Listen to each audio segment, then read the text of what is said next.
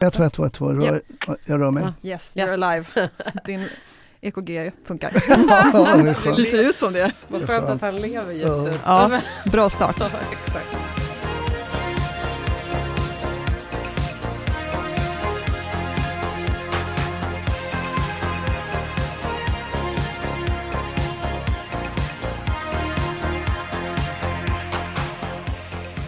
Men hej Alexia!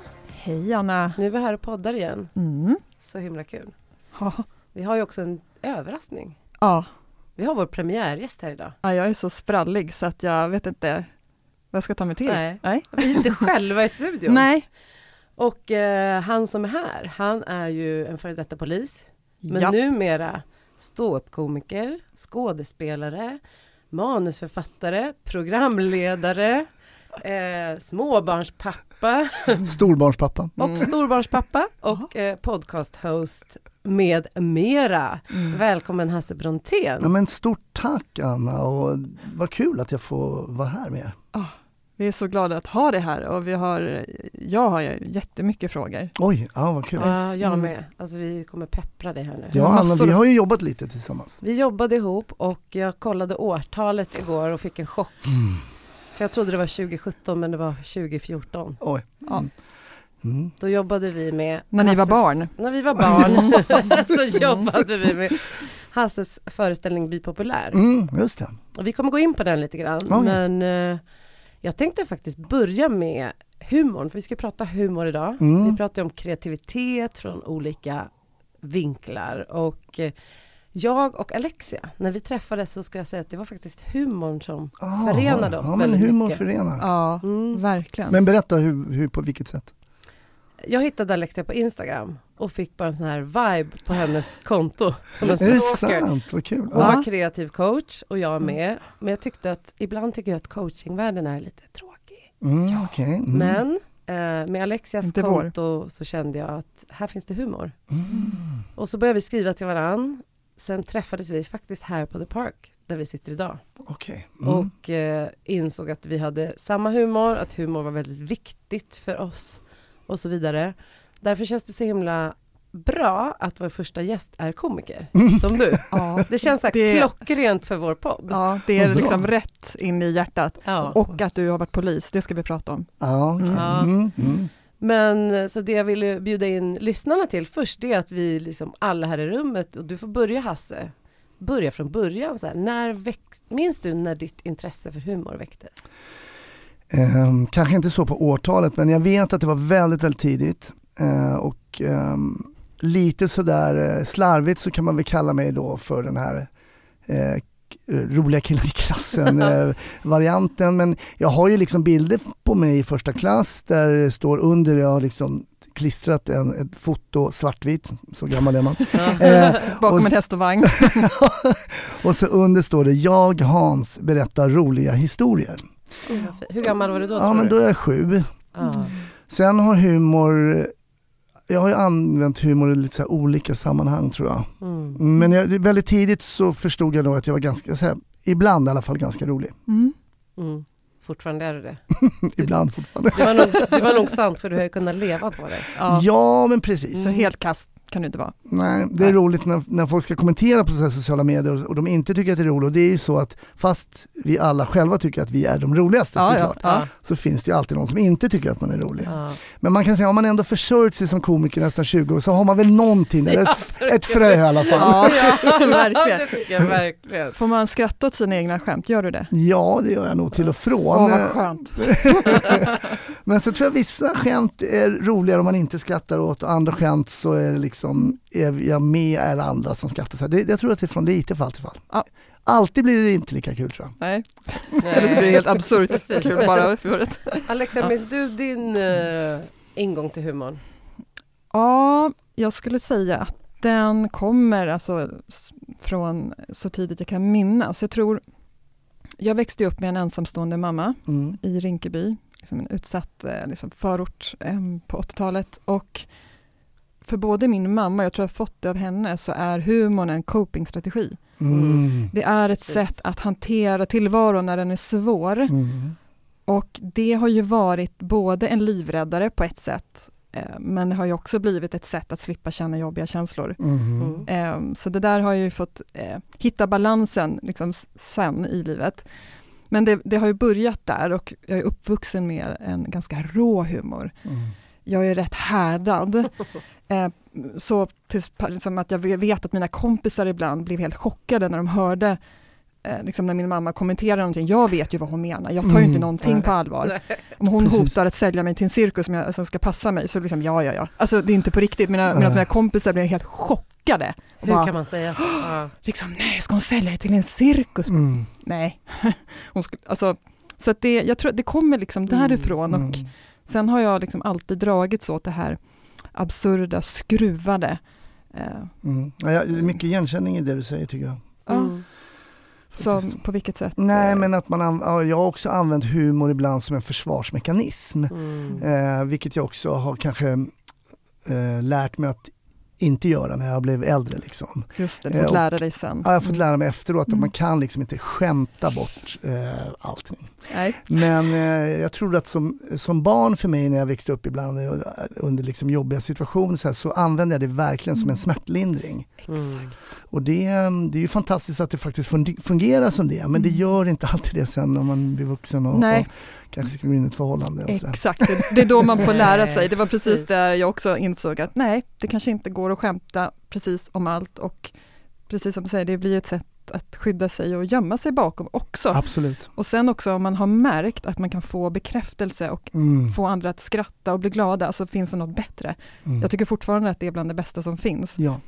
Och Ja, men det är en skön liten fix känsla. liksom. Det är en fix, absolut, Mm. verkligen. Du pratar med en impro-junkie, så Ah. mm, jag ska prata om det sen. Ja det är Ja. fantastiskt kul. Ja. Mm. Nej men precis. Du då Anna? Ja, men vi har väldigt liknande bakgrunder och du och Alexa, det här har vi inte ens pratat om, det här kommer upp nu. Ah. Men också som dig Hasse, att jag har ju vuxit upp med en pappa som var den roliga killen i klassen. Mm. Som var underhållare och hade en satirgrupp på radio i 18 år av mitt liv. Okej. Eh, som hette På håret. Så jag växte ju Ja, upp. så var han med där? Ja, precis. Coolt. Så det här är ju min barndom, liksom, Mm. med en pappa som alltid höll på med sketcher, som alltid någon rolig låt, någon text, liksom driva Mm. med någon politiker. Och det har jag förstått på senare tid eh, också liksom hur jag kom in, alltså jag jobbade ju med din föreställning Bli populär, Mm. hur jag kommit in på humor, att jag har varit så ma- marinerad i det här Mm. i min barndom. Han använder det också mycket som en copingstrategi Mm. Mm. efter en jobbig barndom, han blev bortlämnad, det finns liksom mycket. Mm. Han använder det verkligen så och eh, det har smittat av sig på mig att eh, jag älskar det och jag känner mig trygg med människor som har mycket humor. Det Mm. pratade vi om lite innan. Mm. Så här, kan man lita på människor utan humor? Ja, det är en, en intressant fråga. Mm. Sen så kan det ju vara så om någon är liksom det, det ligger någonting i det tycker jag. Sen så, om man är för glättig och allting så bara är skratt, och, då blir det nästan så att man blir som en icke trovärdig bilförsäljare. Verkligen. Så det måste ligga någonstans mitt emellan Ja, ibland. Ja, men det tycker jag är intressant. Jag tänker vi kan komma in på det sen, vad bipopulär också handlade om. Mm. Men apropå att de riktigt bra komikerna kanske också har en svärta Mm. och har varit med om jobbiga saker och då Mm. inte heller blir så glättiga. Nej. Eller vad tror du? Jag tror att det ligger en sanning i det eh, på kanske någon form av gruppnivå. Mm. Men om man tittar på individ- individnivå så tror jag inte alltid det stämmer. Jag tror till exempel om vi tar min kompis Johan Glans som Mm. är den som säljer mest, vill säga biljetter i Sverige. Han tror jag inte är liksom formad av någon, sen vet man inte hur mycket man är formad heller av det, men, Mm. men han är nog bara så här, men jag tycker det är kul att vara rolig och jag känner att jag är bra på att vara rolig och sådär. Ja. Sen byter man ju det där lite grann som du Alexia berättade, så här, Mm. Den upplevelsen du hade, att sen kom jag på att okej, jag, ska inte- jag ska inte skämta just nu. Nej. Och nästan gör man inte det, så att man blir ju lite som en ny typ av komiker hela tiden. Ja, just det, Precis. precis. Föränd, föränderlig Mm. på något sätt och man Mm. får liksom lära sig att skanna av. Eh, sen vet jag inte om det är så för dig, men ibland träffar man ju människor som jag upplever inte har någon humor. Ja, ja. Och jag går igång och vansinnigt ja, jag, jag blir ju triggad. nästan. Ja, ja men eller hur. Alltså, fast jag blir det på ett sätt som är, alltså jag, det blir mitt kul. livsmission Mm. att att- att roa dem. Ja. Alltså jag har, Mm. jag har skitkul fast de vet inte det. Nej. Ja, Okej. Nej. Mm, Alltså, men så- inte på ett ja. Nej, det vill nej, jag men också nej, men- verkligen aldrig Nej men på jag fattar, bekostnad. jag fattar. Så- Och det kan ju vara kul ibland internt, man så här drar ett skämt som den personen, så kan man titta på någon Ja, annan så exakt. vet man att den inte fattar. Ja. Men vi tyckte att det var kul. Exakt. Precis så. Ja. ja men intressant, Mm. mycket som liksom förenar oss och vår ingång ändå i humorn. Mm. Och, eh, jag har ju sett vad skicklig komiker du är. Ja, tack snälla. Ja. Och det är ju verkligen ett hantverk tänker jag också. Ja, och som med, med många yrken så är det ju någonting också som man måste göra många gånger för Ja. att liksom eh, det, det är liksom flygtimmarna är väldigt viktigt. Ja. Särskilt för stand-up tror jag. Eh, att komma upp där och sen bli trygg och ibland kan man ha ett roligt skämt men det är svårt, det kanske man inte formulerar på scenen för man är lite nervös. Man formulerar inte så där roligt som man gjorde i huvudet. Nej. Just ja, Ja, den. det har man ju Ja, Ja. det har man varit med om själv. Ja ibland. men det vet man ju bara Ja. när någon ska berätta en rolig historia och Ja. det blir liksom tvärtom och så man fel, alltså blir det bara faller i pladask allting. Ja. Så att det är ju också, man kan verkligen öva upp sig. Men det är, ju- det är ganska bra tror jag att vara grundrolig. Mm. Och kunna lite timing och kunna liksom eh, de här klassiska som man lär ut ibland, så här överdrifter och så finns det här regeln om tre och lite sådana saker. Och, ja men det finns ju saker man faktiskt kan lära sig också. Mm. Mm, tekniker. Med Och, teknik, ja. är, är det inte så, jag har inte provat eh, stand-up, Nej. lite nyfiken och sugen på det. Mm. Mm. Är det inte också så att en, en skicklig stand-up-komiker också har förmågan att hantera situationer när det faktiskt inte blir så som man har tänkt sig, att, att kunna fånga upp det utan att känna att jorden går under. Absolut. Mm. Och du nämnde impro, Mm. uh, du är en Ja, vi- impro-sucker eller vad du Ja, sa? impro-junkie. ja. ja, men kan vi inte prata om det på en gång? Jag, jag kan inte Ja. hålla med Anna. Nej men nu kör vi! Ja, Jo, kör nej, men impro. för jag Mm. tror, om jag tittar på min utveckling lite så här som komiker så tror jag mycket har jag utvecklats av att vara till exempel det vi kallar då för MC eller konferencier. Liksom. Mm. Mm. Och då är det alltid så att man kommer till en stor klubb, ah, har du skrivit nytt material, har du skrivit nytt material och eh, bla bla bla. Och ibland är det som att vi skriver för varandra, inte för publiken, för de flesta som sitter har inte hört ditt Nej. ett år, låt säga, gamla material, utan de kommer de, bara för att skratta. Liksom. Men går man ut på scenen så, som MC eller konferencier, då tycker jag att en duktig konferencier är någon som pratar med publiken, frågar var kommer du ifrån, var kommer du ifrån, vad har, vilka har vi i lokalen, jaha ni är det, jaha men vadå, du är inte Svennebanan liksom, här då det, ja, då kan du åka till Södertälje, eller vad det nu Ja, eller då får man hitta det som är i rummet. Det är Liksom. polisen som styr upp här, jag hör. Ja, exakt. Och där har vi ju liksom, det är ju ren klassisk impro. Mm. Ja. Och jag tror att är man trygg och kör mycket impro så kan man alltid landa liksom Mm. i det här här och nu och hitta saker. Eh, och i impro finns det också verktyg som man kan göra och ha nytta av. Så jag tycker jag har utvecklats med, jag har också gått impro, Du har liksom, ja, Ja. improkurser och så, jag tycker det är Så det jätteroligt. var kul att impra med dig någon gång. Ja, Ja, precis, ja. impro. Ja. Men eh, där tycker jag att man har lärt sig mycket också. Mm. Sen Ja. blir det automat, automatiskt impro ibland. Någon skriker i publiken, någonting, Ja. någon ramlar, någon tappar ett glas. Mm. Och då är det viktigt tror jag att vara här och nu med alla. Mm. Och det visar att vi upplever en sak precis här i detta nu. Mm. Och jag har sett så många exempel på, jag kan bara ge ett exempel en gång. Det var, var på Norra Brunn, en, en, en helt vanlig kväll på Norra Brunn. Upp kommer en, eh, en komiker som heter Jörgen Sjöberg som är fantastiskt duktig komiker och också väldigt bra improvisatör och väldigt bra konferencier. Mm. Så han går fram och frågar, ja du heter Alexia, du är därifrån, har Rinkeby och du är därifrån och Mm. bla bla bla. Och sen så kommer en kille då efteråt som gör sitt första gig på Norra Brunn. Och såklart är nervös, eh, har tagit med sin kamera och ska liksom eh, dokumentera det här. Och kommer med väldigt skrivet material och det blir sån otrolig clash Mm. Att gå från det här väldigt rörliga liksom, vara ett med rummet och bölja med folk så här Ja. till att så här Hej, igår var jag på stan. Har ni tänkt på när man, alltså Ja. nu överdriver jag Ja, lite ja. grann såklart. Ja. Men det var nästan så att det läst, läst, lät läst. Och då blir, det, då blir publiken så här, men vänta nu. Du, Är du ens här? ja, pratar du bara från hjärtat nu eller har du lärt dig Ja. någonting utan till? Även om alla vet att stand-up comedy är såklart förberett. Ja. Såklart. Ja. Men det ska inte kännas så. Nej, det ska Nej, inte kännas nej. så. Och där är det ibland intressant att se hur de där krockarna kan uppstå mellan bara en paus, så kommer upp en ny person som gör på ett helt annat sätt Mm. som inte känns levande. Det här känner jag igen, det du beskriver också, om man ser personer som är nya i improvisationsteater. Det är väldigt vanligt att man i början man blir en, eh, ursäkta språket, då, skratthora, alltså man, man jagar skratt och liksom Ja. försöker Ja, vara rolig. Ja. Tills man kommer på att det handlar inte om att försöka vara rolig. Det handlar om att lyssna och ta in om det är någon i publiken som får ett, har glömt att stänga av ljudet, ja men ta med det, var, var uppmärksam på vad som Mm. händer. Se en, en annan skådespelare gå över scen, göra någonting, fånga upp det. För att det är ju det som blir att vi upptäcker Mm. det roliga istället för att eh, skapa och- eller följa en tänkt idé. Ja. Det handlar ju hela tiden om Exakt. att överge sina idéer och säga ja till det som är i stunden. Och det, det är helt sant, och att dels upptäcka det som alla ser, men sen också det är ännu snyggare om du kan upptäcka det som alla ser som ingen tr- märkt att de har sett. Ja, Mm, ja. just det. Då är det riktigt... Okej, ge, eh, ge ett exempel på det. Eh, nej men det kan ju vara till exempel att någon går förbi med ett speciellt klädesplagg eller Ja, någonting och precis. säger så jaha har du precis, eh, är det din skoter utanför? Det ser Mm. ut som en norrlänning säger vi. Eller någonting. Mm. Det var ingen som kopplade men när någon komikern säger Mm. så, "Åh, eller, han är lik någon här, kolla Edvard Ja. Bloms brorsa eller någonting. Eh, bara säga någonting. Mm. Ibland kommer man ju snett på det men ibland är det, är det väldigt klockrent. Ja. Liksom.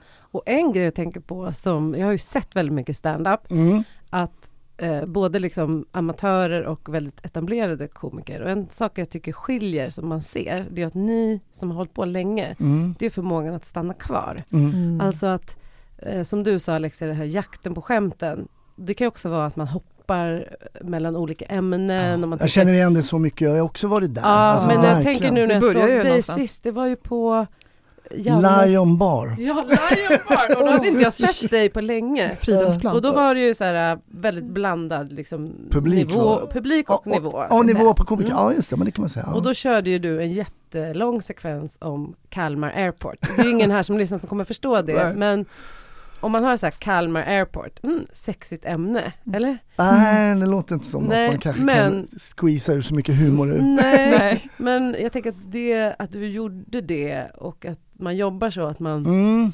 att Ja, man den stannar är väl en, kvar. och den är liksom. tror jag sex, sex, sex och en halv minut tror jag den Ja. är om eh, den flygplatsen. Ja.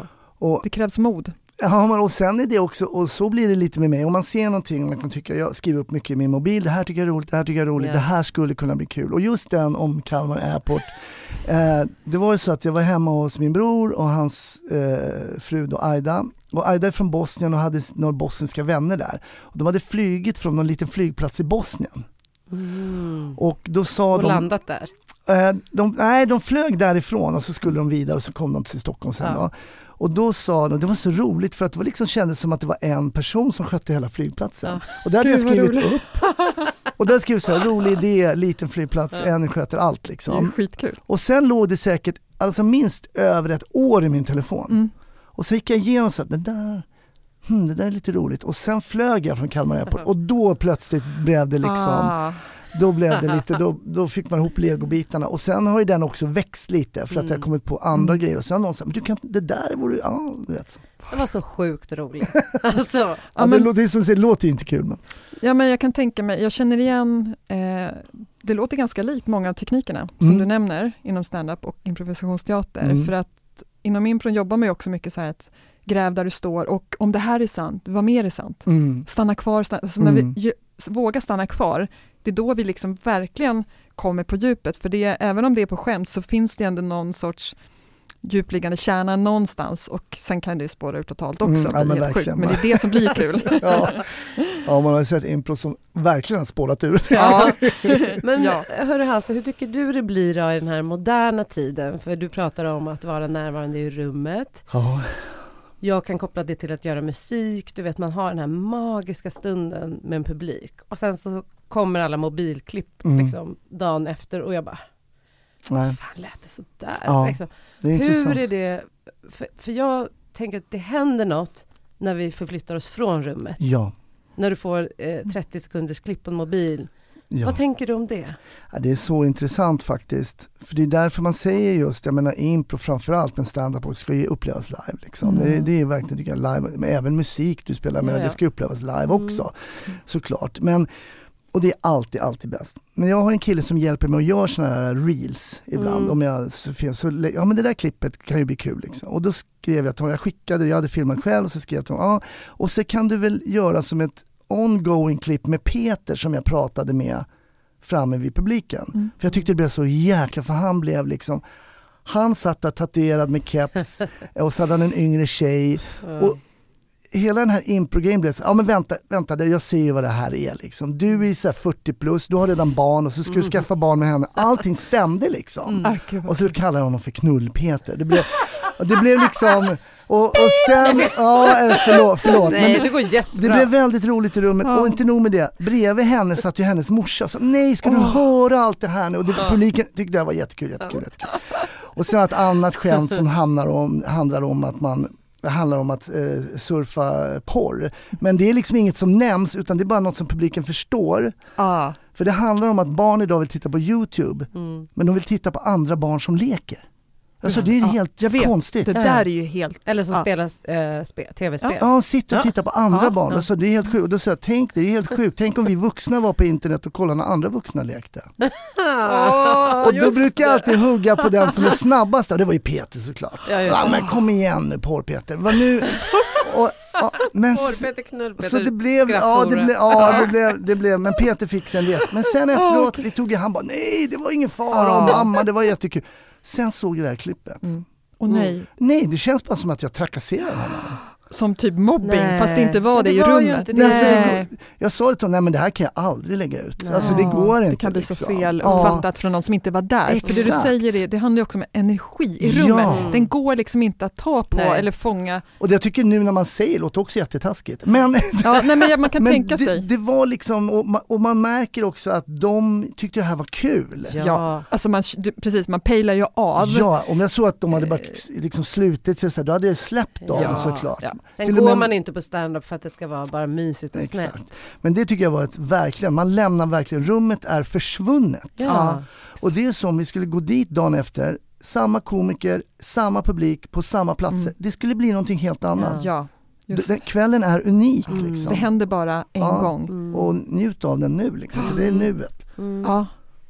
Och det tror jag många missar som inte har varit på stand-up Mm. eller improvisationsteater. För att om vi har en föreställning som vi kör kanske tre, fyra gånger så det är ändå, då har vi ett tema, eh, något, ett koncept. Men varje föreställning spelas bara en gång. Ja, Det är bara nu.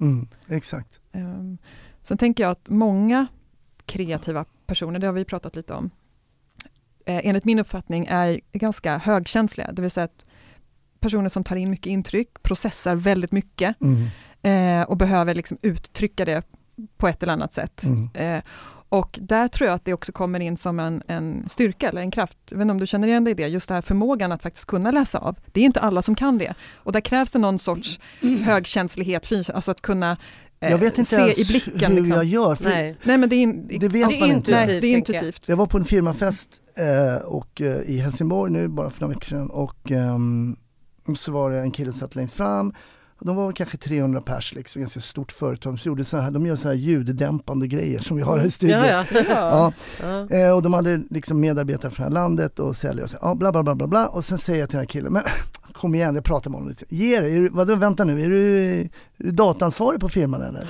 Så var Då var det! Och alla bara skriker och applåderar, jag bara, det är fruktansvärt kul. vad, hur, hur? Och alla bara, det var förberett innan va? Nej men jag har ingen aning om.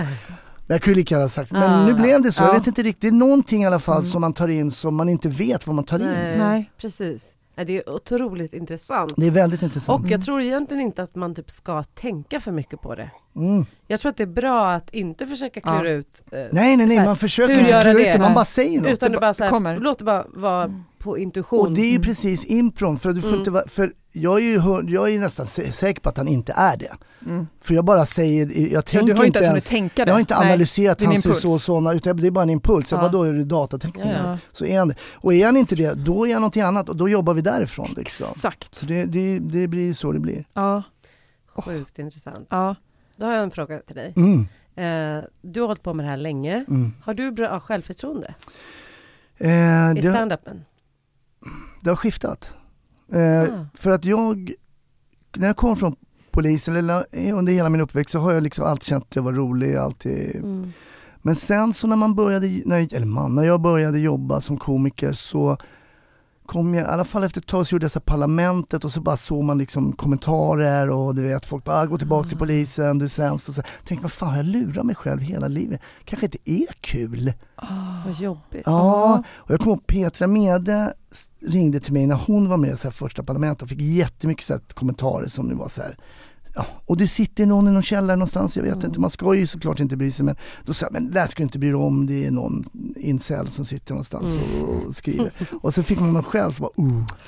Sved. Men sen måste jag säga att jag har nött bort det där eh, och har fått mycket bättre självförtroende de sista, ska vi säga i alla fall, en fem, tio åren kanske. Liksom att, eh, bara, nej men, och jag, man fattar, alla tycker inte att jag är rolig. Det går inte att Det är plisa alla. fine, det är fine, det är helt okej. Mm. Ja. Man tycker att andra komiker är mycket roligare. Men sen finns det ju de som skriver till mig, jag tycker det är det roligaste. Och då blir man Ja. jätteglad. Mm. såklart. Så, ja. Nej, för vi pratar, vi coachar ju många människor som är kreativa Mm. och som inte jobbar med det, men det är ju just en sak som många upplever. Mm. Just eh, man har en stark inre kritiker och kanske inte vågar dela med sig eller så. så det är ju intressant också att höra att de flesta ändå går igenom de faserna. Liksom. Det tror jag tror det är ofrånkomligt. också liksom. det nämligen. Ja, Mm. Jag tror det. Och, Men sen, jag kom också till en fas där jag bara, men nu är jag så, så gammal och jag vill fortsätta göra det här och så vill jag göra ma- massa andra grejer och jag har inte gjort det men jag tänker göra det i alla fall. För din egen skull. Ja, för min Ja. egen skull, för jag tycker det är kul. Och Ja. jag håller på med så här, vadå ska du, min fru tycker väl jag bara, ska du bli skådespelare? Ja, nu, det var det jag ville från början. Ja. Det fanns inte stand-up när jag växte upp. Nej, Nej, det har inte jag gett upp, fasen, jag kör. vad kul. Ja. När, när kom skådespelare... Den kom ju före komikerdrömmen. Okej, och kom det före polis? Ja, jag, jag vill inte bli polis Nej, egentligen. det bara hände. Ja, min Ja. pappa jobbade som det, ja, Klassiker, Ja, så, så betald utbildning. Ja, Ett bananskal liksom. Mm. Eh, nej, jag ville bli skådis men min pappa var väl ganska tydlig med att liksom, det är inget riktigt jobb och det kan väl ha ja, legat något i det kanske på den tiden. Samma här. Ettan och tvåan på tv och Dramaten liksom. Eller någon sån här fria teater alltså. Jag praoade på Dramaten när jag gick Mm. i åttan, men jag fick också höra samma sak. Ja. Jag skulle gå Södra Latins teaterlinje, Mm. men eh, fick inte. Nej, min dotter fick gå Södra Latin, min äldsta. Åh, vad glad jag Jag blir. vill ju också gå Södra Latin. Det var ju det som förenade också. Vi hade Just båda det. velat gå Södra Latinteater men Ja. det blev inte så. Nej. Men hon gick dans min dotter i och för sig. Mm. Mm. Mm. Det Men hade också funkat. Mm, det hade gått bra. Ja. Mm. Nej men så den kom före. Ja, nej men jag har ju, och, och, no offense Anna, jag tycker jättemycket om dig, men om jag fick välja så skulle jag helst liksom Mm. ha alla kompisar vara poliser. Det skulle kännas jättetryggt. Ja, jag har en sån här illusion Mm. av, jag vet att alla poliser inte är perfekta människor. Men i min, Åh värld, fan. men i min värld så skulle det vara jätteskönt om Mm. alla var poliser. Ja. För att jag har något som, som inneboende, jag, jag skulle liksom, om jag var ekonomiskt oberoende så skulle jag kunna liksom, volontära som typ trafikpolis. Oh, det, om, det är den sista polisen jag skulle Jag vet, jobba jag förstår som. att det är inom Mm. polisyrket är det typ det, lä- det är liksom det lägsta, men jag, jag tar, eh, jag Du tar det på allvar. Någon måste göra det. Någon måste göra det. Mm. Tack Och då- Alexia. Ja, men alltså, Vi i samhället tackar dig. Ja men det är för min egen psykes eh, sinnesfrid. Ja. Så folk måste skärpa sig. Eh, Mm. och då undrar jag, du som för detta polis, blinkar du ut ur rondeller? Ja. Du gör alltid. Ja, det har väl hänt att jag inte har gjort det Ja. men... eh, Jag checkar ut för jag har inte körkort. Ja, förlåt.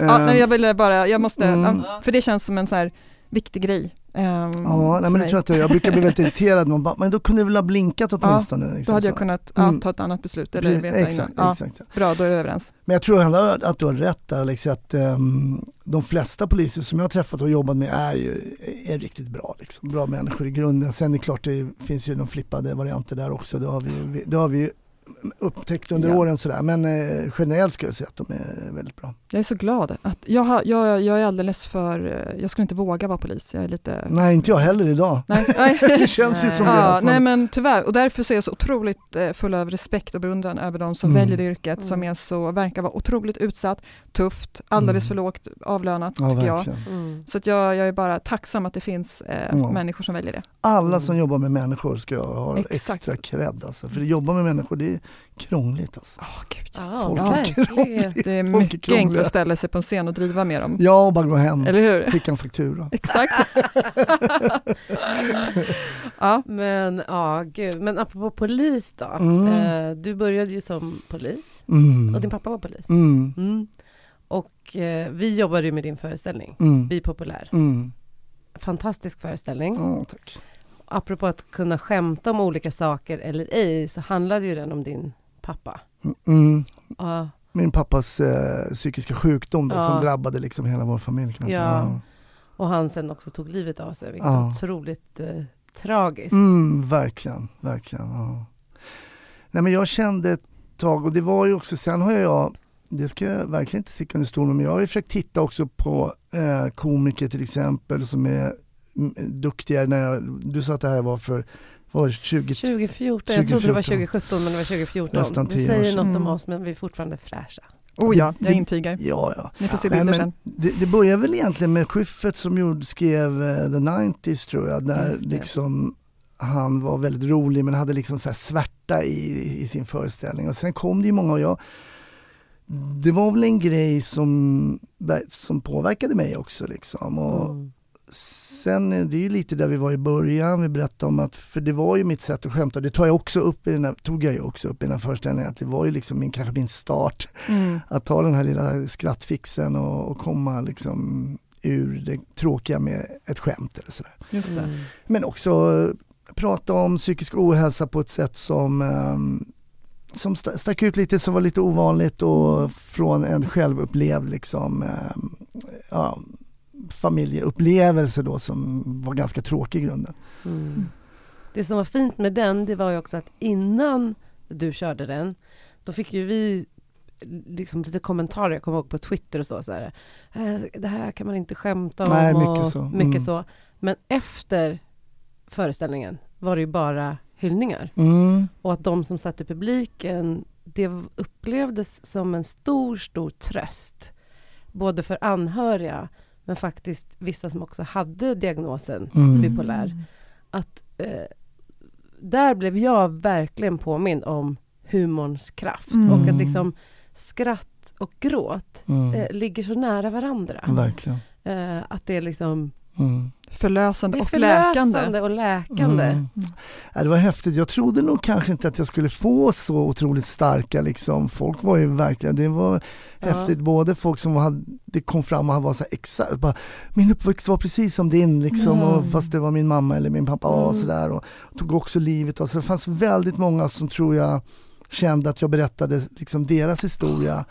Och jag hoppas jag gav lite kraft till någon och säga, men kan jag berätta min, som inte alls är unik med tanke på psykisk ohälsa och hur vanligt det är, så kan du berätta din. Mm. Ja. På då sätt så kan vi liksom avstigmatisera Mm. det lite grann och det, Mm. det tror jag var i alla fall en lite, lite, lite litet bidrag till det. Oh ja, verkligen. Och speciellt Mm. när det kommer från en man också. Ja men kanske jag. Alltså ännu ja. mer, Ja. eh, Ja, intressant. Det tror jag. jag. Om man ska Mm. gå för det generella, liksom, att eh, män oftare kanske håller det mer inom sig än kvinnor. Ja, Eh, vilket också kanske är en orsak, jag är ingen expert på det, men eh, att män i högre grad väljer att ta sitt liv Mm. snarare än att söka hjälp i tid. Eller, mm. ja. Nej men det är Ja. sant. Mm. Mm. Ja men verkligen. Ja, men den, Eh. den var, den var, sen blev jag faktiskt så här, jag kände bara så här, och, ska du inte filma den? Och så här, men jag kände bara så här, nej jag är färdig nu. Ja, den är klar. Den är klar. Jag gjorde Ja. väl den jag gjorde sen totalt. Sen har jag gjort en liten som en Ja, föreläsning just också. Ja. Men jag gjorde den väl, jag vet inte om vi gjorde 20-30, jag kommer inte ihåg hur många vi gjorde. ja, Eh, något precis. sånt. Ja. Eh, Sen kände jag bara så här, nej nu, nu. Det tycker jag också låter sunt. Mm, jag tror det var också, Att du, du går ju också in i något mm, som har varit din uppväxt. Som, Mm. som du har ju också vuxit upp ifrån. Mm. Jag tror att liksom. den påverkade mig mer än vad jag hade trott också. Mm. På vilket sätt? Nej men jag skulle göra den en gång på faktiskt min pappas dödsdag. Oj. Oj, Och hur sen, var det? Nej men det gick nästan inte. Nej. Men då var jag, vad var jag då? Det var inte under, det var någon sån, det var ju föreställningen fast inte under själva turnén så att säga då, Mm. utan det var efter den någon gång. Jo, det minns jag. Eh, jag var det, jag kunde Mm. jag bara, jag bara började gråta. Och, Mm. Ja. Men folk var så fina, du vet, kom upp på scenen och bara så här, krama mig och så här. Och sen, Ja. Nu så, börjar Som jag typ gråta. Nej, Men jag tänker att det är så här, krama lilla, lilla Hasse. Ja, men för liksom, jag blev ju sätt. Så det Man blir då. ju lilla barnet igen Mm. på något sätt. Liksom. För det var, kommer du ihåg att jag hade så här bildspel på slutet? Ja. Och så bara kände jag så bara, ah, äh, du vet. Och så kände jag, men nu, nu, nu jag ska bara köra här sen är jag klar med det. Var du ett barn när det hände? Ja, jag var ju, Mm. ja, nästan. Jag var ju 20 år när pappa Mm. tog sitt liv, så jag var väl Mm. Ja, men då officiellt vuxen då. Ja, mm. fast hur vuxen. Ja, Nej, Mm. precis. på pappret. Mm. Men Ja. du pratade också om det i föreställningen att just när man har en pappa som lider av psykisk ohälsa att eh, speciellt på den tiden så ta- pratade man ju inte om det. Mm, mm. Mm. Eh, och liksom man kunde inte ens säga vad det var utan liksom hitta på andra. Ja, och jag ljög, Orsaker, jag också, liksom. jag ljög om min Man blir ju medberoende, Ja, ja, alltså oh, ver- oundvikligen. Verkligen, Ja. så medberoende. Mm. Och sen när jag började jobba som polis, så, ah, jävla psykfall, du vet man hade kört Ja, någon, så tänkte jag, mm, nu pratar du om min pappa liksom. Ja. Så det var lite så här jobbigt till och från. Jag sa ju ingenting liksom på jobbet då heller. Liksom. Vi körde ju många, vi hade ju många så här, um, man körde till exempel om, psyk, tänkte men den här personen kan bli våldsam, då tog man ju polistransport och fick vi köra Mm. från A till B och sådär. Mm. Och då var det en del som jag tyckte var lite osköna. Mm, mm. Jag sa ingenting, Istället- idag hade jag ju bara sagt till mig vad surrar de liksom. Ja. Men jag hade inte guts då. Och, Nej, och inte och modet. inte ett språk tror jag. Nej, alltså, man hade precis. Precis. man hade inte, jag har ju en morbror som faktiskt tog sitt eget liv när jag var 16. Alltså Mm. min mammas bror. Och jag tänker att så här, gud vad vi inte har pratat om det mycket. Nej, Alltså nej. Att det har vi pratat om på senare år Mm. men man pratade inte om Nej. det med folk. jag Jag pratade så- knappt om det med mina vänner Ja. då och så pratade man ju om allt annat liksom. Mm. Ja. Men jag var också så ung och osäker liksom. Mm. Eh, Jag var ju ung, alltså 21 år bara på polisskolan. Ja. Kom ja. igen. Ja, ska man vara tuff också där. Liksom. Ja precis, Bland poliser. Det Ja, har just. Macho. kanske aldrig riktigt lyckats med. Men, jag var Nej. Mm. Men eh, apropå eh, sårbarhet och känslor, när grät du senast? Oj oj oj. Det gjorde jag nog faktiskt eh, när jag läste delar av min mammas memoarer som hon håller på att skriva nu. Och det var förra veckan. Åh. Nej men det blev så häftigt liksom. Eh, mammas uppväxt och först, hon beskriver ju också liksom hennes mamma, pappa, mormor, morfar, farmor, far. Alltså det går ju Mm. det går tillbaks. Tänk man det är mitt ursprung och sen den här dagen hon flyr då från eh, min mamma flydde ju från DDR. De Mm. delade ju upp Tyskland efter andra världskriget ju och eh, då blev ju de inlåsta i, i DDR då. Men mamma ville ju tidigt förstod hon att hon ville leva ett fritt liv liksom. Mm. Så det är, men då satt jag och böla och jag har inte läst, jag har bara läst olika stråk ur eh, olika kapitel sådär. Mm. Men då... Ja, Då kom. Har, du, har du lätt till tårar? Mycket lätt. Är, är du en sån som också kan gråta när du ser liksom en hund återförenas med sin eh, Absolut. hustru på men, jag, Ja. nej, men eh, när vi sitter hemma på soffan i böna Ja. till film så är det jag, inte min fru som gråter. Liksom. Ja. Så att, ja, men jag har väldigt lätt tårar men det, jag det är skönt. Men Ja, det är det har också kommit lite att jag bryr mig inte. Liksom. Nej, skönt Ja. att inte bry sig Ja. Verkligen. Ja. Men det var ju ett ämne vi faktiskt hade, jag och Alexa, för vi pratade om den lidande konstnären Mm. i ett avsnitt. Ja. liksom, om man måste, så här, behöver man skapa ur smärta eller kan kreativitet vara lustfyllt och så? Och då tänkte vi så här att det krävs ju ändå att man har någon närhet kanske till sina känslor på något sätt. Mm. Mm, det tror jag. Eller vad, vad Mm. tänker du om det? Mm, ja, men det tror jag. Men jag tror idag personligen så skapar jag inte så mycket smärta. Nej? Nej. Nej, det gör jag inte. Nej. Ehm, men eh, jag tror att jag har ganska, och jag det är svårt alltså. Man vet ju ibland inte riktigt vad man skapar Nej. ur. Nej. Eh, och jag tänker jag har så många olika trådar som jag drar i hela tiden som är liksom olika kreativa liksom nerver. Mm. Mm. Och kanske är det olika delar av hjärnan Ja. som jobbar också. Det tror jag. Det tror jag. Men, eh, men sen har jag också fått lite, jag fick en väldigt sen, efter vi eh, gjorde vårt, fick en väldigt sen sån här ADD-diagnos. Mm. Mhm. Jag har haft otroligt, otroligt svårt i hela mitt liv att ha koll på saker och ting. Mm. Och nu har jag börjat få lite, lite mer koll. Mm. Att kunna så här, avsluta projekt och ha typ så här, Aha. flera projekt igång samtidigt. Och det är Har du helt... fått verktyg då från, eller har du liksom Ja, fått dels har jag fått medicin Ja. eh, som min fru bara, "De- har du glömt att ta din medicin Ja, idag, hon eller?" märker. Ja. Jag bara, ja faktiskt. Ja, det är inte till din fördel som hon sa. nej, men, eh, så att, Nej, eh, nej, men det har liksom på något sätt lyckats komprimera, det är skitsvårt att förklara, men det, det, jag känner liksom ingenting, så här, om jag tar medicinen så känner inte jag att oh, nu, Nu händer det någonting i min hjärna. Liksom, utan, men jag har ju märkt hur jag liksom komprimerar alla trådar till liksom en, ett synfält där jag kan se vad jag Åh, nästan gör. Vad Va? skönt det låter. Mm. Ehm, mot för förr, då var det så här, ja just det, det där ja. Nej, då är det, just det, jag var uppe på SVT där och pitchade in en julkalender för ett halvår sedan som jag betalade många pengar till en illustratör och det blev jättebra, de var intresserade. Alltså, nej, det hade runnit ut sand. Alltså, du vet, Det där är- låter ju som jag. Alltså jag, jag har inte gjort någon utredning. Nej. Jag, jag, Det var min äldsta dotter som sa, pappa du måste Mm. gå och det, till slut så gjorde jag det. Mm. Det var bra. Det var, men det, Mm. det tror jag också, det är utifrån det jag har läst, nu kommer jag inte ihåg några källor eller referenser, men att många personer som har till exempel ADHD eller ADD det är vanligt att man hittar personer inom den kreativa Okej, sfären. ja men det kan jag tänka just för att Precis. det är liksom den här popcornhjärnan, att Mm. det poppar upp idéer hela Mm. tiden. Mm. Och eh, jag ska inte säga, jag har absolut kontroll över mina impulser och sådär. Mm. Det har de flesta som funkar i samhället. Så, men, Mm. men att man är väldigt eh, luststyrd och, och går Mm. på idén. Ja, men vi kör. Ja, Ja, och sen Mm. kommer, just det, den där grejen där. Mm. Och så kör man Ja, dit. Och så har man liksom Exakt. tio grejer på gång. Och sen- Story of my life. Ja, och vi Alexia, Ja. Mm. fast vi är inte utredda så vi kanske inte har något men vi är ju Nej. Jag tror ni har något. poppiga, Ja, poppiga i hjärnan och jag har aldrig koll på Ja. mina nycklar, det har ju du. Men jag Ja, har ju aldrig koll på aldrig bort. saker. Det är min fru gav mig ganska tidigt skede sådana här, äh, Ja, så här man kan- Ja tags, det liksom. behöver jag kan jag säga. Så jag det är här ju- med glasögonen, that's story of my life. Ah. Som hände när vi kom in och du inte hittade dina glasögon. Ja, så hade du tagit dem och lagt dem där. Nej men jag, jag har ju hittat mina nycklar nu, jag har ju tappat dem på stan och med GPSen och hittat, Det är där, ju där ligger de. Ja. Att, Mm. eh, Nej, jag skulle aldrig tappa nycklar, där går min gräns för Mm. ADHD. jag tappar allt. Ja. Eller tappade i alla fall, nu är Jag jag, har lite aldrig bättre koll på lite grejer. bättre Men jag lever med en man med så här, jag säger att han har fotografiskt minne, men han gillar Ah. inte att jag säger det. Men han, det är också skönt för att han, jag kan ju vara som jag är, Mm. Men han vet alltid vart allt är. Ja, Mm. men det är typ min. Tycker han om det? För att jag, Nej, han tycker inte om, om det. nej, jag gillar Nej. inte heller att jag alla. frågar hela tiden, vad är det, vad är det? Exakt. Men du gömmer ju saker för din familj Alexia. Nej, jag städar och de hävdar att jag gömmer och så får jag skit för det. Ah. Då kan liksom nå, alltså, ja, tre familjemedlemmar som ringer mig och säger, "Ah, vad, vad är mina vantar? Ja, har du tittat i vantlådan? Mm. Ja, jag har tittat där, men ja, ibland får man lyfta Mm. på saker. Mm. Men det är, Ah. ja, vi jobbar på det. Igenkänning. Hasse, Mm. nu är du också skådespelare. Ja. Vad har du på gång?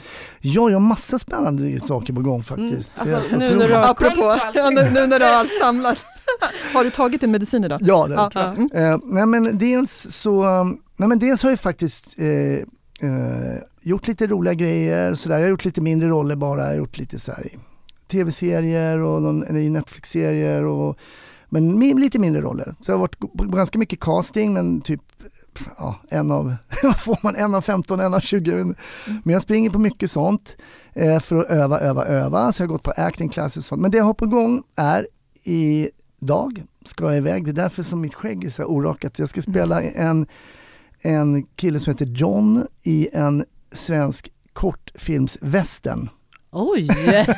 Wow, Svensk kortfilms... vad spännande!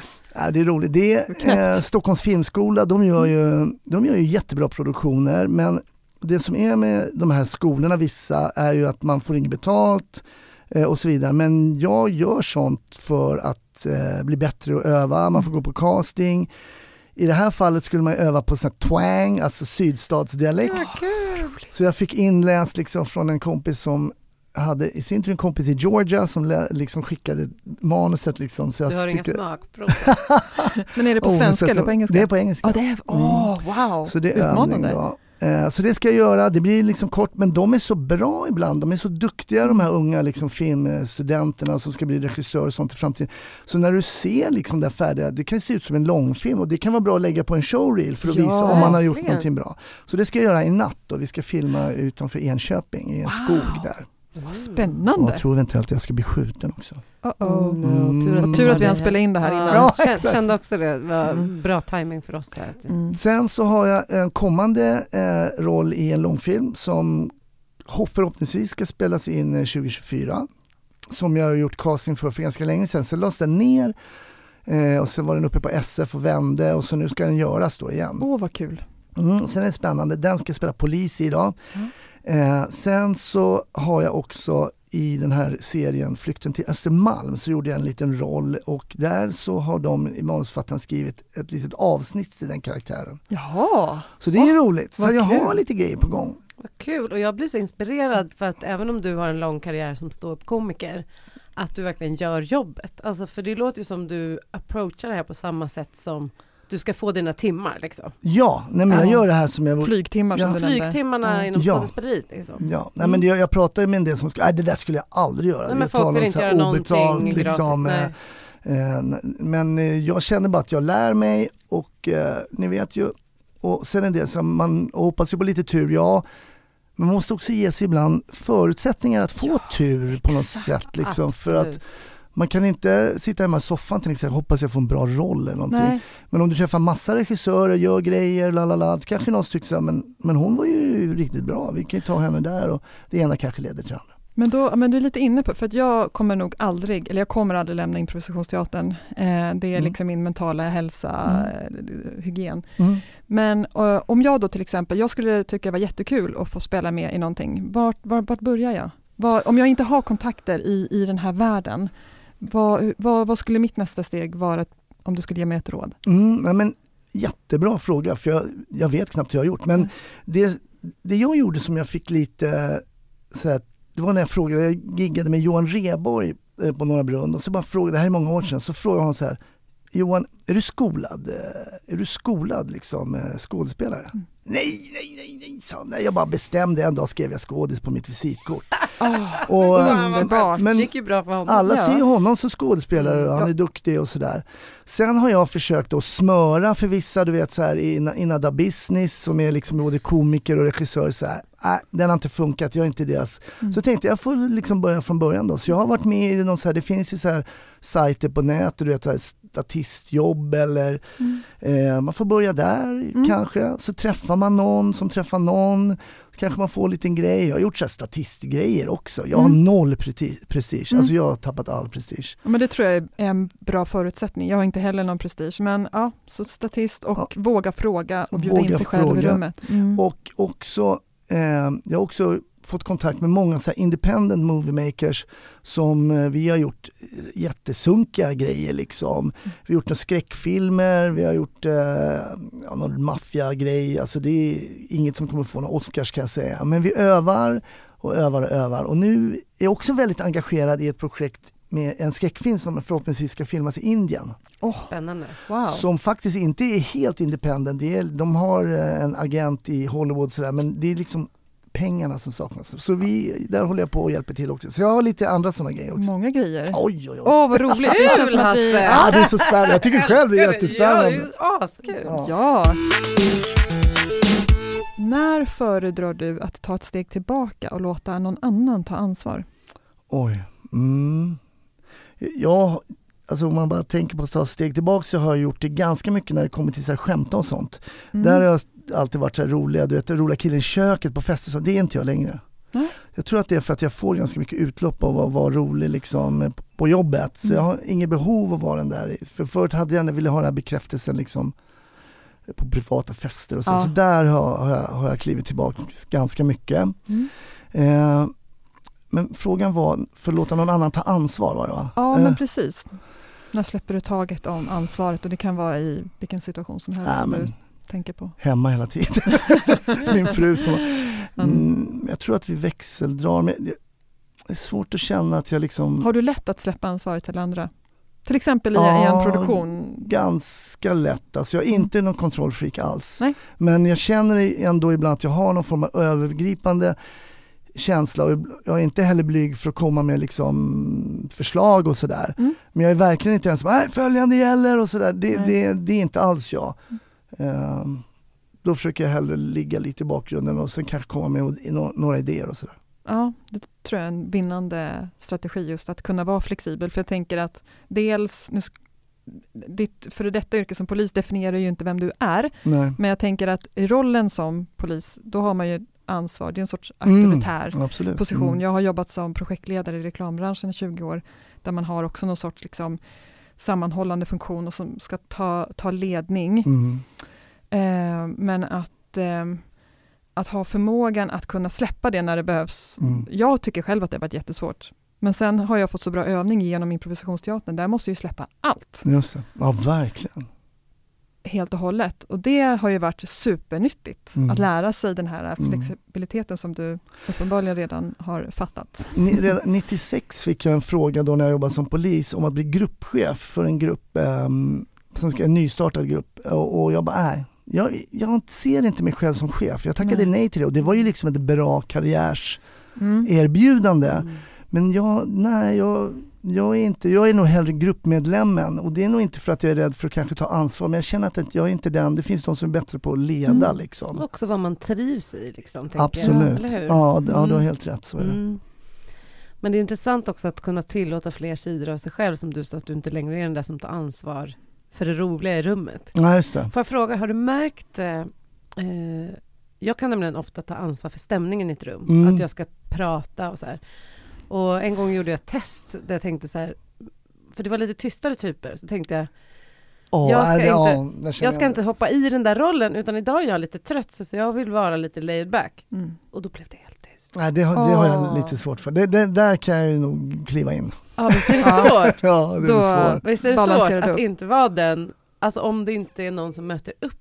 Ja, liksom. det, det, Det är ju mot vår natur, för det har vi, vi gemensamt. Ja. Mm. Jag gjorde det som ett experiment, socialt experiment. Mm. Eh, det här var när jag jobbade i reklambranschen och eh, blev chef och var i, liksom, i möte med mycket män. Många män så, och, och liksom, eh, starka personligheter. Och jag kom på mig själv jag älskar ju att studera människor, samla ju karaktärer till impro. Perfekt. Kartotek, Ja. ja, jag Ja. älskar att Ja. studera människor. Och la märke till det här vad som händer när vi kommer in i ett rum. Mm. De här männen log aldrig. Kvinnorna som kommer in börjar med ett leende. Bara en Mm. öppnings... Och det var så intressant när jag insåg det här med oj, och vad händer om jag slutar le? När jag kommer in i ett mötesrum med de här Aha. männen. Så att jag gjorde det till en personlig grej, jag berättar inte för någon. Kanske, ja. eh, att jag tänkte, nu ska jag gå in och bara spegla. Det är också en improövning. Eh, ja. jag, jag ska bara, jag går in, jag lägger mig på den nivån Mm. och coachar, precis. Eh, jag möter Mm. den personen som är först i rummet, där han eller hon är. Och jag speglar bara, och det var så intressant, för då var jag i ett möte med en, en VD där och eh, jag speglade honom hela mötet. Han log inte en gång och inte jag heller. Eh, sen så var det jag fattar inte hur man lyckas Nej, inte det- med det är på en så hel dag. Liksom. Det är sjukt fan helt omöjligt. och vet Ja. du vad som hände sen? Ja. Jag fick frågan efteråt om jag var sur. ja men såklart. Varför frågar man inte honom om han var sur? För det är liksom, nej men han är alltid, liksom, han är bara upptagen. Ja. Mm. Nej, men jag har fått mail från folk, du och ditt jävla leende liksom. Folk, Va? ja, ja, ja, ja, absolut. Så varför ska du vara så jävla glad hela tiden liksom? Ja. Jo, ja. Men nu tänker jag på vad din dotter, Ja. ja. apropå att använda den svordomen tillsammans visst. med någonting, är Ja, liksom ett först- superlativförstärkande. Ja, ja, precis. Ja. Ja, precis. Men det var nog inte så Ni ska alla, apropå din dotter då, du är småbarnsförälder, du är Ja. också storbarnsförälder. Ja, det, jag har en Ja. dotter som är 32 och sen en dotter som är 4. Mm. Wow. Så Det är ett visst avstånd kan man säga. ett spann. Ja, så Men smart. du har inte många andra däremellan i det spannet. Ingen aning. Nej, jag skojar bara.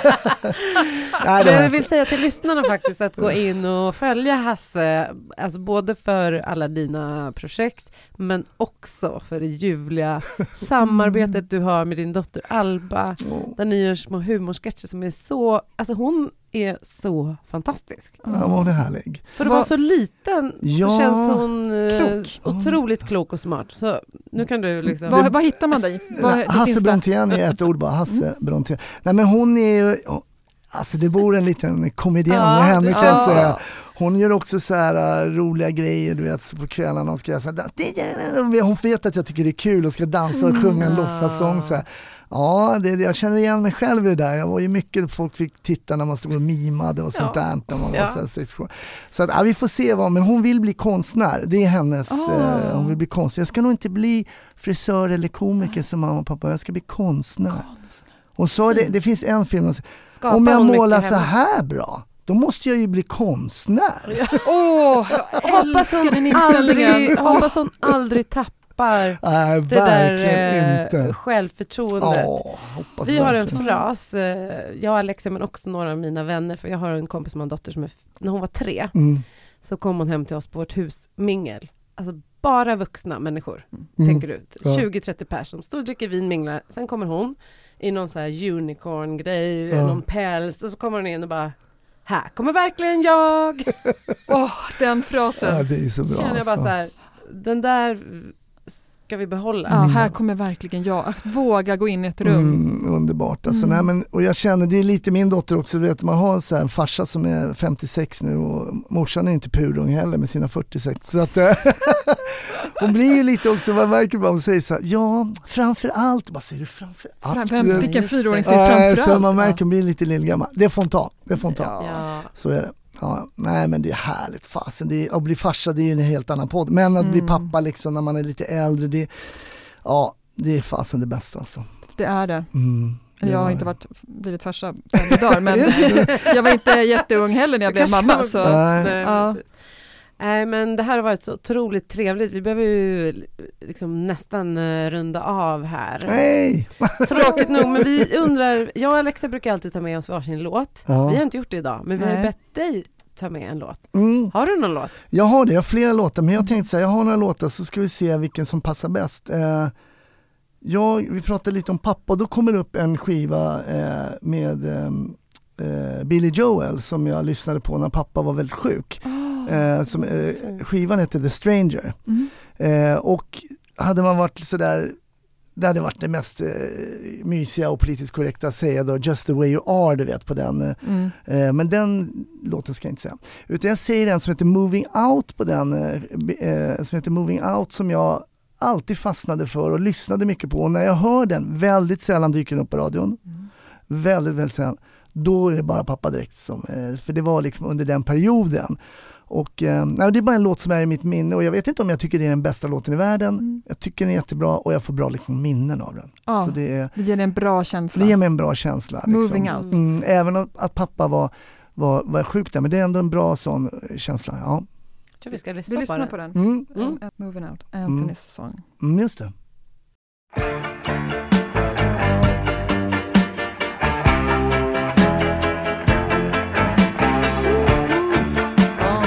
Ja, men det handlar också om så här, han bara han flyttar och, ja, men det är så här, jag vet inte, den, bara, den är så här. Store. Saving his pennies for Sunday. Leone left a note on the door. She said, Sonny, move out to the country.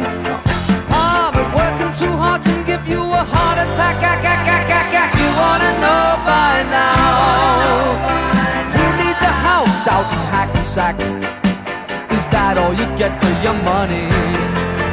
And it seems such a waste of time. Men det är så här, du vet vissa låtar, det är bara, de bara är där. De bara liksom. sätter sig i hjärtat Ja. på något Ja. sätt. Ja. Ja. Det är och det, det som är här är ingen låt med som jag musik. egentligen så här går in på Spotify och hämtar, men när jag hör den så är den en viktig låt för mig liksom.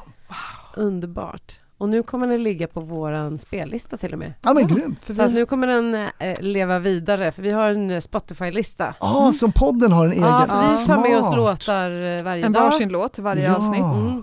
Så pratar vi om liksom vad det ger oss för känsla Mm. och eh, idag var det din tur att göra det. Tack snälla. Ja, tack för att jag fick komma förbi, det var supertrevligt. Ja. Vad kul att, att prata med dig, Jätte, jättefint. Ja. Tack för att du ville vara med. Ja, det var det lilla. Vår premiärgäst, vad det är champagne för 17 gubbar. Vad är bubblet? Nej men tack snälla Hasse, det har verkligen varit en ära och att vi får ses igen så här några år efter vi Ja, jobbade ihop. Jättekul. Eh, och Alexia, alltid kul att podda med dig. Mm, Och Anna. tack till er som har lyssnat idag. Ja, tack för att ni lyssnar och om ni gillar det här ni hör så får ni jättegärna, eh, ni får jättegärna sätta ett betyg. I Spotify-appen kan man ange antal stjärnor. Tipsa era vänner om ni gillar den, tipsa era ovänner om ni inte gillar den. Eh, sprid podden eh, så mycket ni kan så blir vi jätteglada. Och följ Mm. oss på Instagram, att fågel och ram. Ja. Vi har gjort stavningen många gånger. Ja. Vogel och ram. Tack snälla. Tack för idag! Hej då.